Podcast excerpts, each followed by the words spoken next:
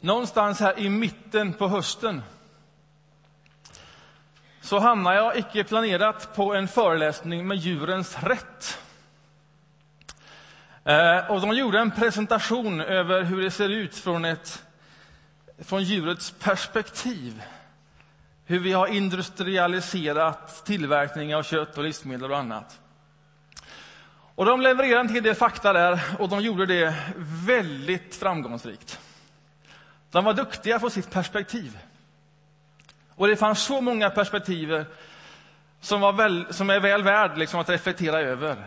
Hur mycket av det som är konstgjort i processer och annat och industrialiserat som hör till vår vardag och hur vi liksom äter och tänker och allting så. En sak. Men det är ändå så att det kunde man liksom, ja, ja, men ni vet ungefär som man läser artiklarna på GP som har varit också här för ett tag sedan, så, va, när man beskriver hur det ser ut med, med köttproduktion och annat. Och man kan läsa det och så kan man liksom bli drabbad av det och så kan man tänka jag borde göra någonting åt det här. Det här är inte bra för helheten och skapelsen. Och så kan man ändå liksom vända blad och så går man vidare för man är så, man är så inne i sitt. Samma kväll, eller om det var kvällen därpå, så var jag bjuden på restaurang. Fantastisk middag. Och vi fick en meny in dit med rätter som kom in en efter en efter en. Och jag tror det var kött i varenda rätt. Och efter den kvällen så kunde man känna att man hade fått för mycket kött i kroppen. Kan du känna den känslan? Det är liksom tungt i varje steg. Det är för mycket att jobba med för kroppen. Och så står vi på Linnégatan här i sällskapet och så resonerar vi omkring det här och de här frågorna och skapelsen och ansvar och möjligheter. Och så säger någon, ja men undrar om vi inte skulle göra ett experiment. Vi blir veganer för ett par månader. Veganer, ett stort steg, tänker jag. Ehm, men jag är ändå öppen för ett experiment.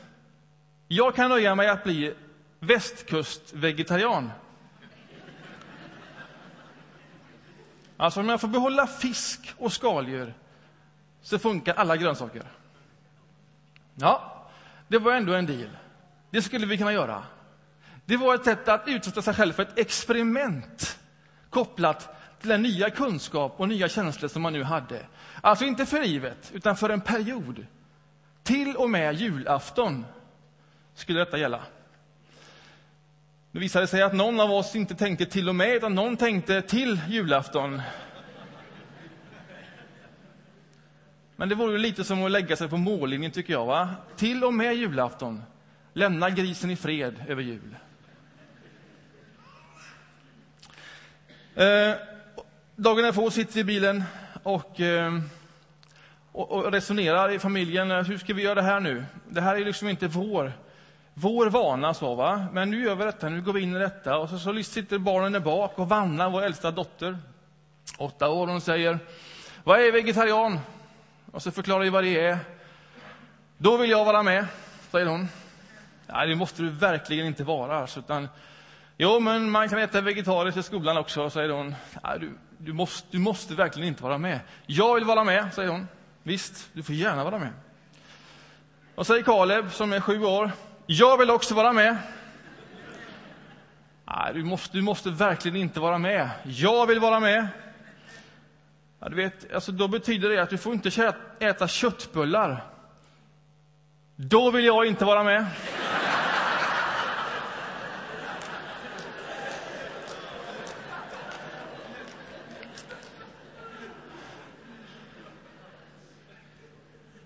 Och så hade vi, så jag har haft lite olika menyer eh, under den här hösten hemma. Och jag skulle önska att du kände det när jag nu talar om olika experiment och om fasta. Då skulle jag önska att du kunde känna sig, ja men jag vill vara med. Är det jag kommer att bjuda in dig till? Eller jag skulle önska att du säger, nej, då vill jag inte vara med. Och att varje beslut är lika bra. Att du känner den friheten i det här rummet. Och samtidigt skulle jag vilja uppmuntra dig att faktiskt gå in i ett tids avgränsat experiment. Därför experiment gör någonting med oss. Det får oss att gå över liksom trösklar som vi annars inte riktigt går över. För om man ska göra någonting för livet, det blir för stort, det blir för mastigt. Men ett litet experiment det är ändå möjligt. Det är bara fram till jul. Det kan man leva med. Och så visar det sig efter ett tag att alltså jag mådde bra av detta. På många olika sätt. Och när jag väl hade vant mig av med det som satt i min kropp, du vet när man går in i butiken så tar man en leverpastej, man tar en prickekorv, man tar en falukorv som har räddat veckan. Att få liksom lära sig att ta någonting annat. Och bara få lära sig vad som faktiskt sitter i kroppen, så djupt. Att få de nya kunskaperna om sig själv. Hur predestinerad man är i någonting för att någonting har varit på ett visst sätt under så lång tid. Och att få lära om ett liv, det är inte helt enkelt. Men när man lär om och när man i ett experiment hittar nya vanor och tänker det här är inte så dumt. Det här kan jag leva med. Det kan ett experiment göra. Så, så är vår utgångspunkt nu. Ja, men nu äter vi, vi äter fisk och grönsaker. Och så äter vi också kött. Men då är det ett aktivt val. Det är inte default-läget för att det har varit så i 40 år. Utan nu väljer vi. Och när vi väl väljer, då smakar det gott. Så är det med oss. Jag ska bjuda er in i ett experiment. In i en fasta härifrån och till påsk. Jag ska läsa en bibeltext också. Matteus evangelium, kapitel 4.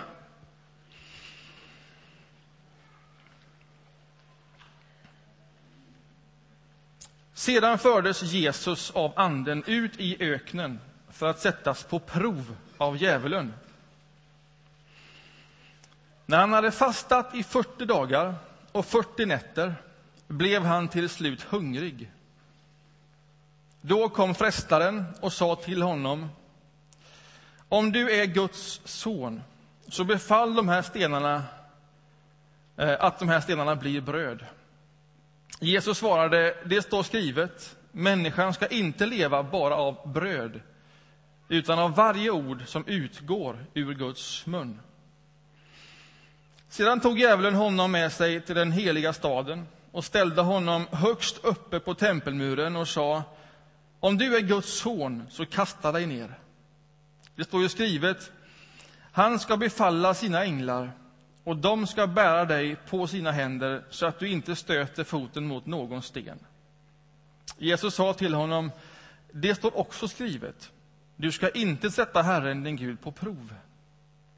Nu tog djävulen honom med sig upp på ett mycket högt berg och visade honom alla riken i världen och deras härlighet och sa allt detta ska jag ge dig om du faller ner och tillber mig. Då sa Jesus till honom Gå din väg, Satan, det står ju skrivet Herren din Gud ska du tillbe och endast honom ska du dyrka. Då lät djävulen honom vara och änglar kom fram och betjänade honom. Varför ska man fasta? Alltså, varför vill jag nu inbjuda till ett sånt experiment från nu och till påsk? Det som föregår detta, direkt på detta, alltså när det står efter 40 dagar och nätter som han hade fastat, det som föregår direkt på detta, det är att Jesus möter Johannes döparen vid Jordan och låter sig döpas av honom. Han går ner i vattnet. Johannes sänker honom ner i vattnet, reser honom upp igen. Och när det sker så ser han också en, en duva komma ner. Anden i form av en duva sänker sig ner över honom och så hör de alla en röst där som säger Detta är min älskade son. Lyssna på honom. Det som är direkt för detta, det är ett dop. Det är mottagande av helig ande och det är Guds röst som handlar om identitet. Detta är min älskade son. Så när sen anden för honom ut i öknen direkt på detta för att där prövas av djävulen. Vad är det då som ska prövas? Ja, det som prövas, det är hans identitet som Guds älskade son. För det var ju som det som hade blivit uppenbart och kommit i dagen alldeles, alldeles precis. Han prövas i din identitet efter att han fastat 40 dagar och 40 nätter. I slutet av den perioden. Vad är det fastan gör? Fastan befäster, rotar, fördjupar en människas identitet i Gud. Så att han sen, efter 40 dagar, kan prövas i den identiteten som Guds älskade son av djävulen. Fastan fördjupar gemenskapen med Gud så att man bekräftar det som är, att man nu är ett med Gud. Ett med Guds vilja, ett med Guds kärlek, ett med Guds kraft, ett med Guds perspektiv, ett med Guds barmhärtighet, ett med Gud och Guds rike. Fastan är inte magisk. Så att detta är vad som sker bara man slutar äta och nöjer sig med vatten. Lika lite som vatten i ett dop är magiskt. Det är inte så bara för att någon hoppar i ett vatten så blir det ett dop. Det vill ju mer till för att det ska bli ett dop. Det vill också till egen tro och eget beslut och bön om helig ande. Och när det sker i vatten så har också vatten en funktion för att föreningen med Gud och hans församling ska ske. Vatten är inte oväsentligt för ett dop, men det är inte magiskt. Ungefär så är det också med en fasta. Fasta tillsammans med bön och avskildhet. Det gör någonting med en människas identitet i Gud. Rotar den, befäster den. Det är vad som sker. Så kan man fundera över när man läser detta. Är detta en specifik text och beskrivning om Jesus? Alltså, Jesus, det är han som är Guds älskade enda son. Och det är han som befäster sin identitet på detta sättet. Och det är han som prövas så här. Detta kan man inte riktigt läsa och lägga på en annan människas liv. Det är så specifikt. Ja, men i en mening är det specifikt. I en mening är Jesus alltid unik, alltid annorlunda. Går inte att likna och jämföra med någonting annat. Och i en mening är hans väg alltid vår väg. Det är som att det som står där är liksom en prototyp över hur ett kristet liv ser ut för vem som helst. Det vill säga när man kommer till tro och vill tro och vill följa och man låter döpa sig. Om man lägger tro till vattnet och man ber om helig ande, då kan man, bör man, lystra på samma ord. Min älskade son, min älskade dotter. Inte i meningen ende sonen som Jesus, men i det att du tror och döper och tar emot helig ande så blir du adopterad in i Guds familj och du blir ett barn. Alltså min älskade son, min älskade dotter. Son, dotter, är en kvalificering. Gud älskar alla människor. Men han älskar dig som son eller som dotter. Som en i Guds familj. Med Gud som far och Jesus som bror. Alltså, det är en kraftfull förändring man är med om i ett dop. Det är en ny identitet som Guds älskade barn. Hur befäster du den? Hur rotar du dig i den identiteten? Hur blir den din så mycket, så djupt, så stadigt att det är det som sen genomsyrar ett liv? Att det är det som sen ger dig ett perspektiv på allt du möter. Alltså, hur rotar man sig i det som är? Är vad Jesus gör direkt, ledd av Anden är att han fastar. Alltså, kan fastan vara ett sätt att rota sin identitet? Eller är det någonting för extremer? Någonting vi har tappat bort? Ja, finns det någonstans i Bibeln där det påbjuds, vi bör fasta, eller är det bara för extrema situationer? Kanske inte så. Alltså frågan ställs, för Jesu lärjungar fastar inte när de är med honom. Och den frågan ställs av Johannes och hans lärjungar. Varför fastar ni inte som alla vi andra gör? Vi fromma människor. Som man ofta gjorde. Onsdagar, fredagar. Det var kutym. Så säger Jesus, ja, alltså, man sörjer inte på bröllopsfesten om brudgummen är på plats. Men det kommer en tid när brudgummen lämnar och då ska man fasta. Bilden är, just nu är jag här, säger Jesus. Just nu är jag brudgummen. Just nu är det fest. Men det kommer en tid då det inte är fest på det sättet, när jag lämnar, och då ska de fasta. Så man liksom, så, så är det med de som följer mig. Eller i bergspredikan, den som vi älskar att läsa. Där säger han, när ni ber, när ni ger och när ni fastar. Inte så att man måste göra det, inte så att man måste ge eller måste be. Men det är inte så dumt att både ge, be och fasta. Där kommer råden formulerade inte som ett krav, men som en möjlighet. Och när ni gör detta, tänk då på det här och det här och det här.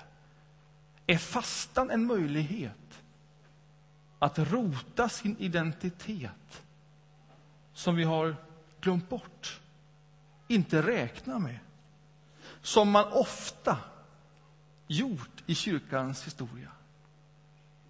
I den tidiga kyrkans historia så var det snarare regel än undantag att man åtminstone någon dag i veckan avstod från mat och nöjde sig med vatten. Vad är det han då lär sig genom fastan? Vad händer när man fastar?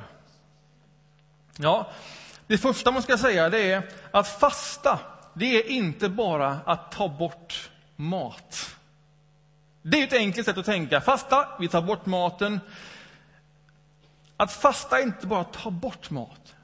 Det är framför allt att göra sig tillgänglig för annan mat. För min inre människa. Det är det Jesus säger, vi ska inte leva bara av bröd utan av varje ord som utgår från Gud. Du gör dig tillgänglig för annan mat. Och ofta är det så att mat och yttre stimuli och allt det som vi behöver och som är gott och som är en gåva, men mycket av det kan också döva det som finns av behov internt. Men när man tar bort en del av dessa stimuli så blir man varse också det som behövs för en inre människas välbefinnande och utveckling och rotande. Det kommer liksom fram saker där som man annars kanske inte såg, kände, fick del av. Som dövades av annat. Det kommer liksom till ytan. Man blir varse det och kan överlåta också det till Gud. Eller arbeta med det som kommer fram där av känslor och annat som ligger obearbetat i samtal, i bön.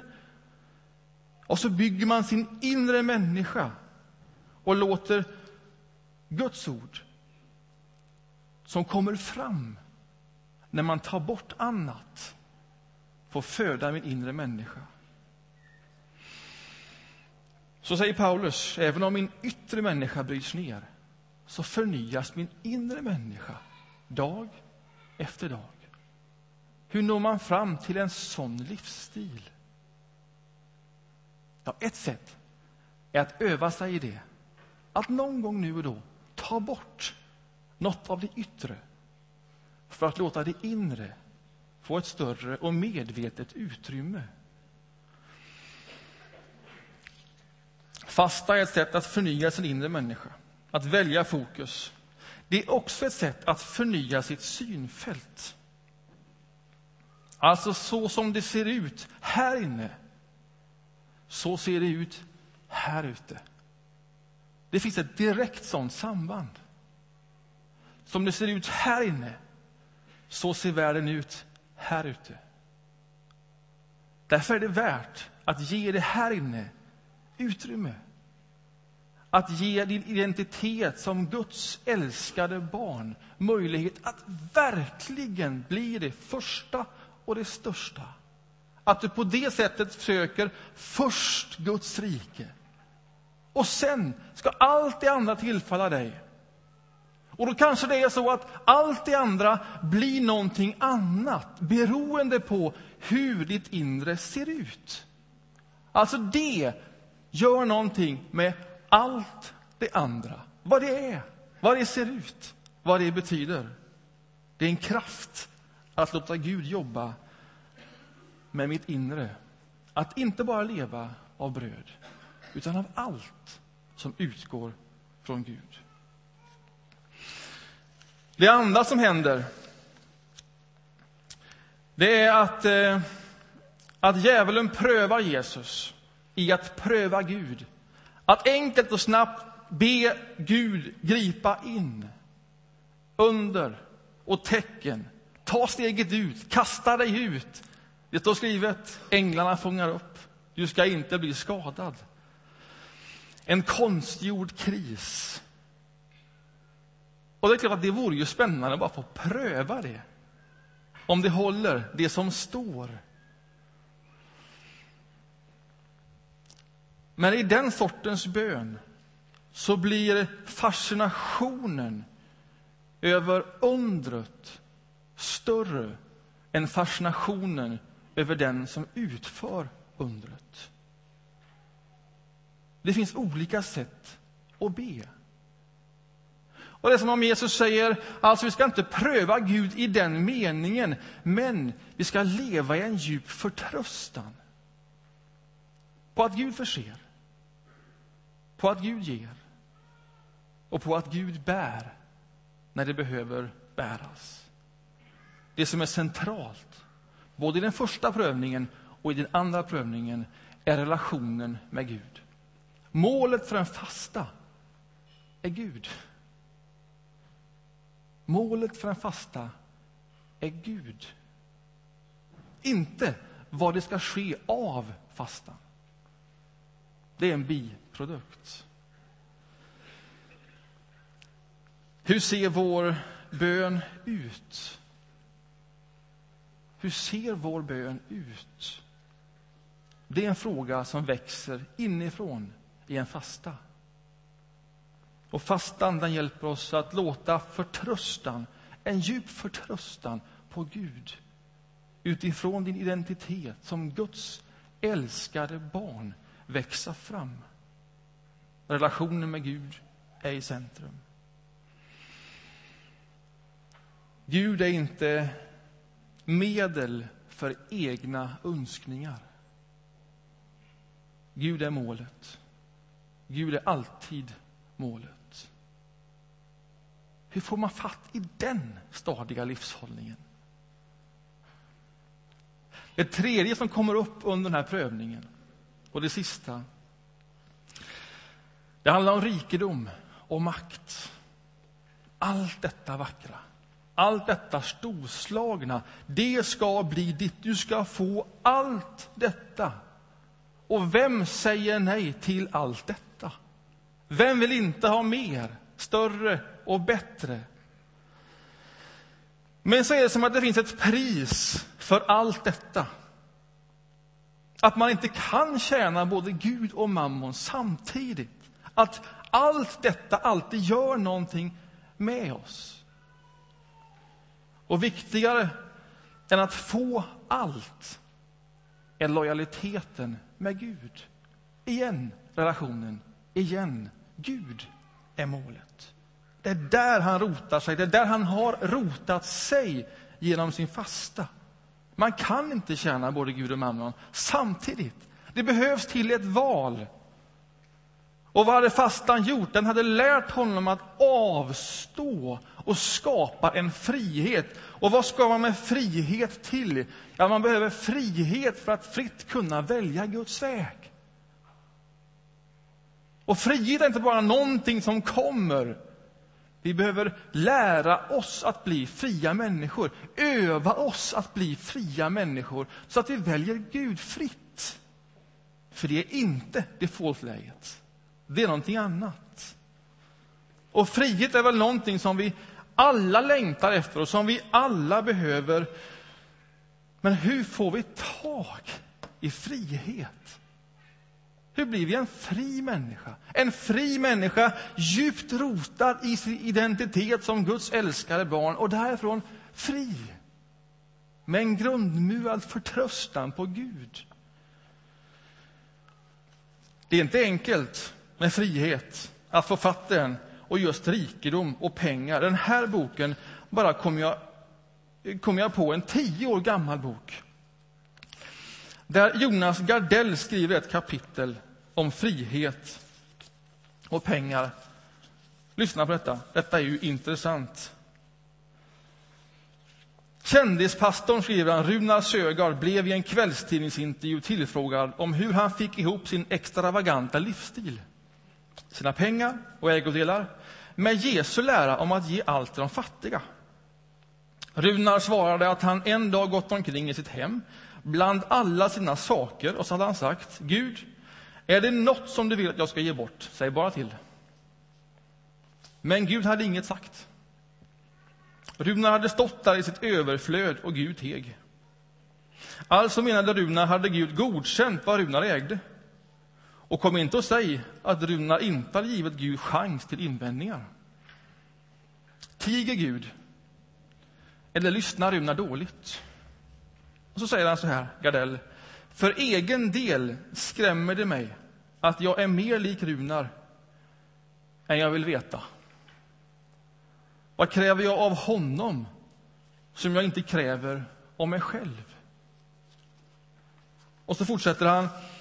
För jag tror verkligen att pengar korrumperar och desformerar varje människa smygande och förstående möjligen omärkligt men inte desto mindre obevekligt.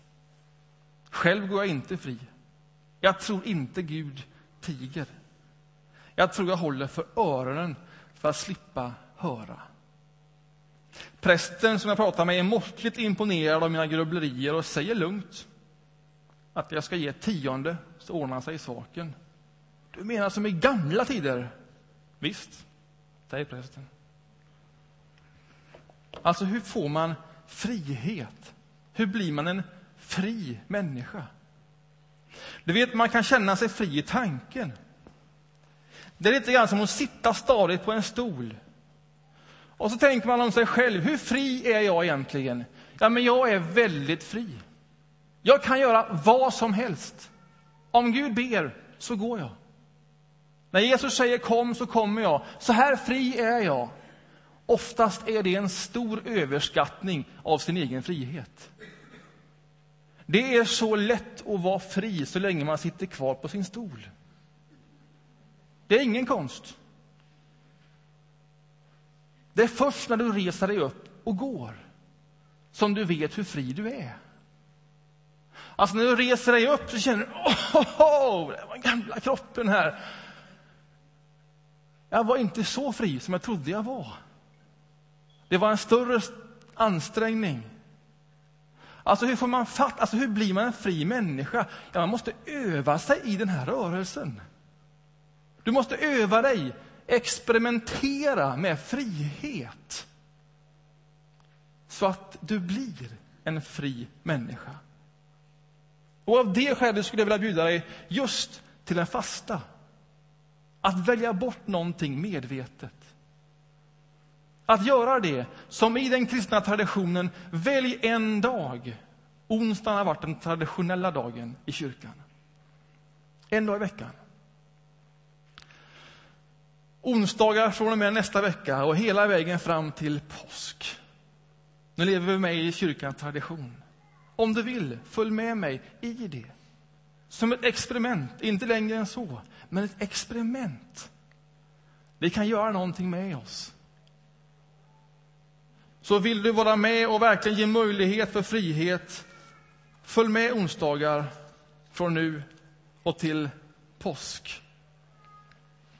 Hur ska man göra? Hur går det till? Är det farligt? Är det nyttigt? Om du inte har några fysiska liksom, hinder så rekommenderar jag alla att vara med. Hur fastade man i Bibeln? Ja, I Bibeln fastade man med vatten och inget annat. Det var det vanliga. Men här, känn lite frihet. Om du börjar morgonen och tänker alltså det går inte en dag utan kaffe, ja, men ta en liten kopp kaffe då. Och sen kanske vatten. Kvällen innan, ät inte på dig ett lager så att du klarar det en dag. Det blir värre. Jag vet. Utan ät försiktigt. Lite mindre. Kanske lite frukt. Och sen dagen därpå, om det nu är frukosten därpå, ta inte i så du spricker för att du längtar efter frukost. Starta lite lugnt, så kroppen hänger med. Men det är bara en dag. Drick inte allt för mycket vatten bara för att du är hungrig. Det blir inget bra heller. Drick lagom. Eller om du saknar någonting med vattnet, ja men drick lite fruktjuice. Lägg det på den nivån där du känner, här är jag. Gör det experimentet och sen när det kommer till lunchen så tar du kanske en promenad. Inte till matsalen, utan förbi matsalen. Och så skapar du ett litet fönster den dagen. Det blir din dagliga bön, din veckliga bön. Och sen ber du, inte för allt möjligt, utan du ber, det vill säga att du blir närvarande hos Gud, medvetet. Så att du rotar dig i det som är din identitet. Att du är Guds älskade barn eller dotter. Det är inget dåligt ställe att stå på, att utgå ifrån. Låt det bli din övning. Och därifrån vinna steg för steg en större frihet. Glöm inte att målet för fastan är Gud. Det är Gud. Jag ska stanna stannar där. Skulle vi egentligen hoppat över mackan till kyrkkaffet idag, tänker jag. Men det kanske är en för brutal start. Ta kaffe, en smörgås och ställ in dig för onsdag. Och så gör vi en gemensam resa ända fram till påsk. Ska vi förena oss i en bön?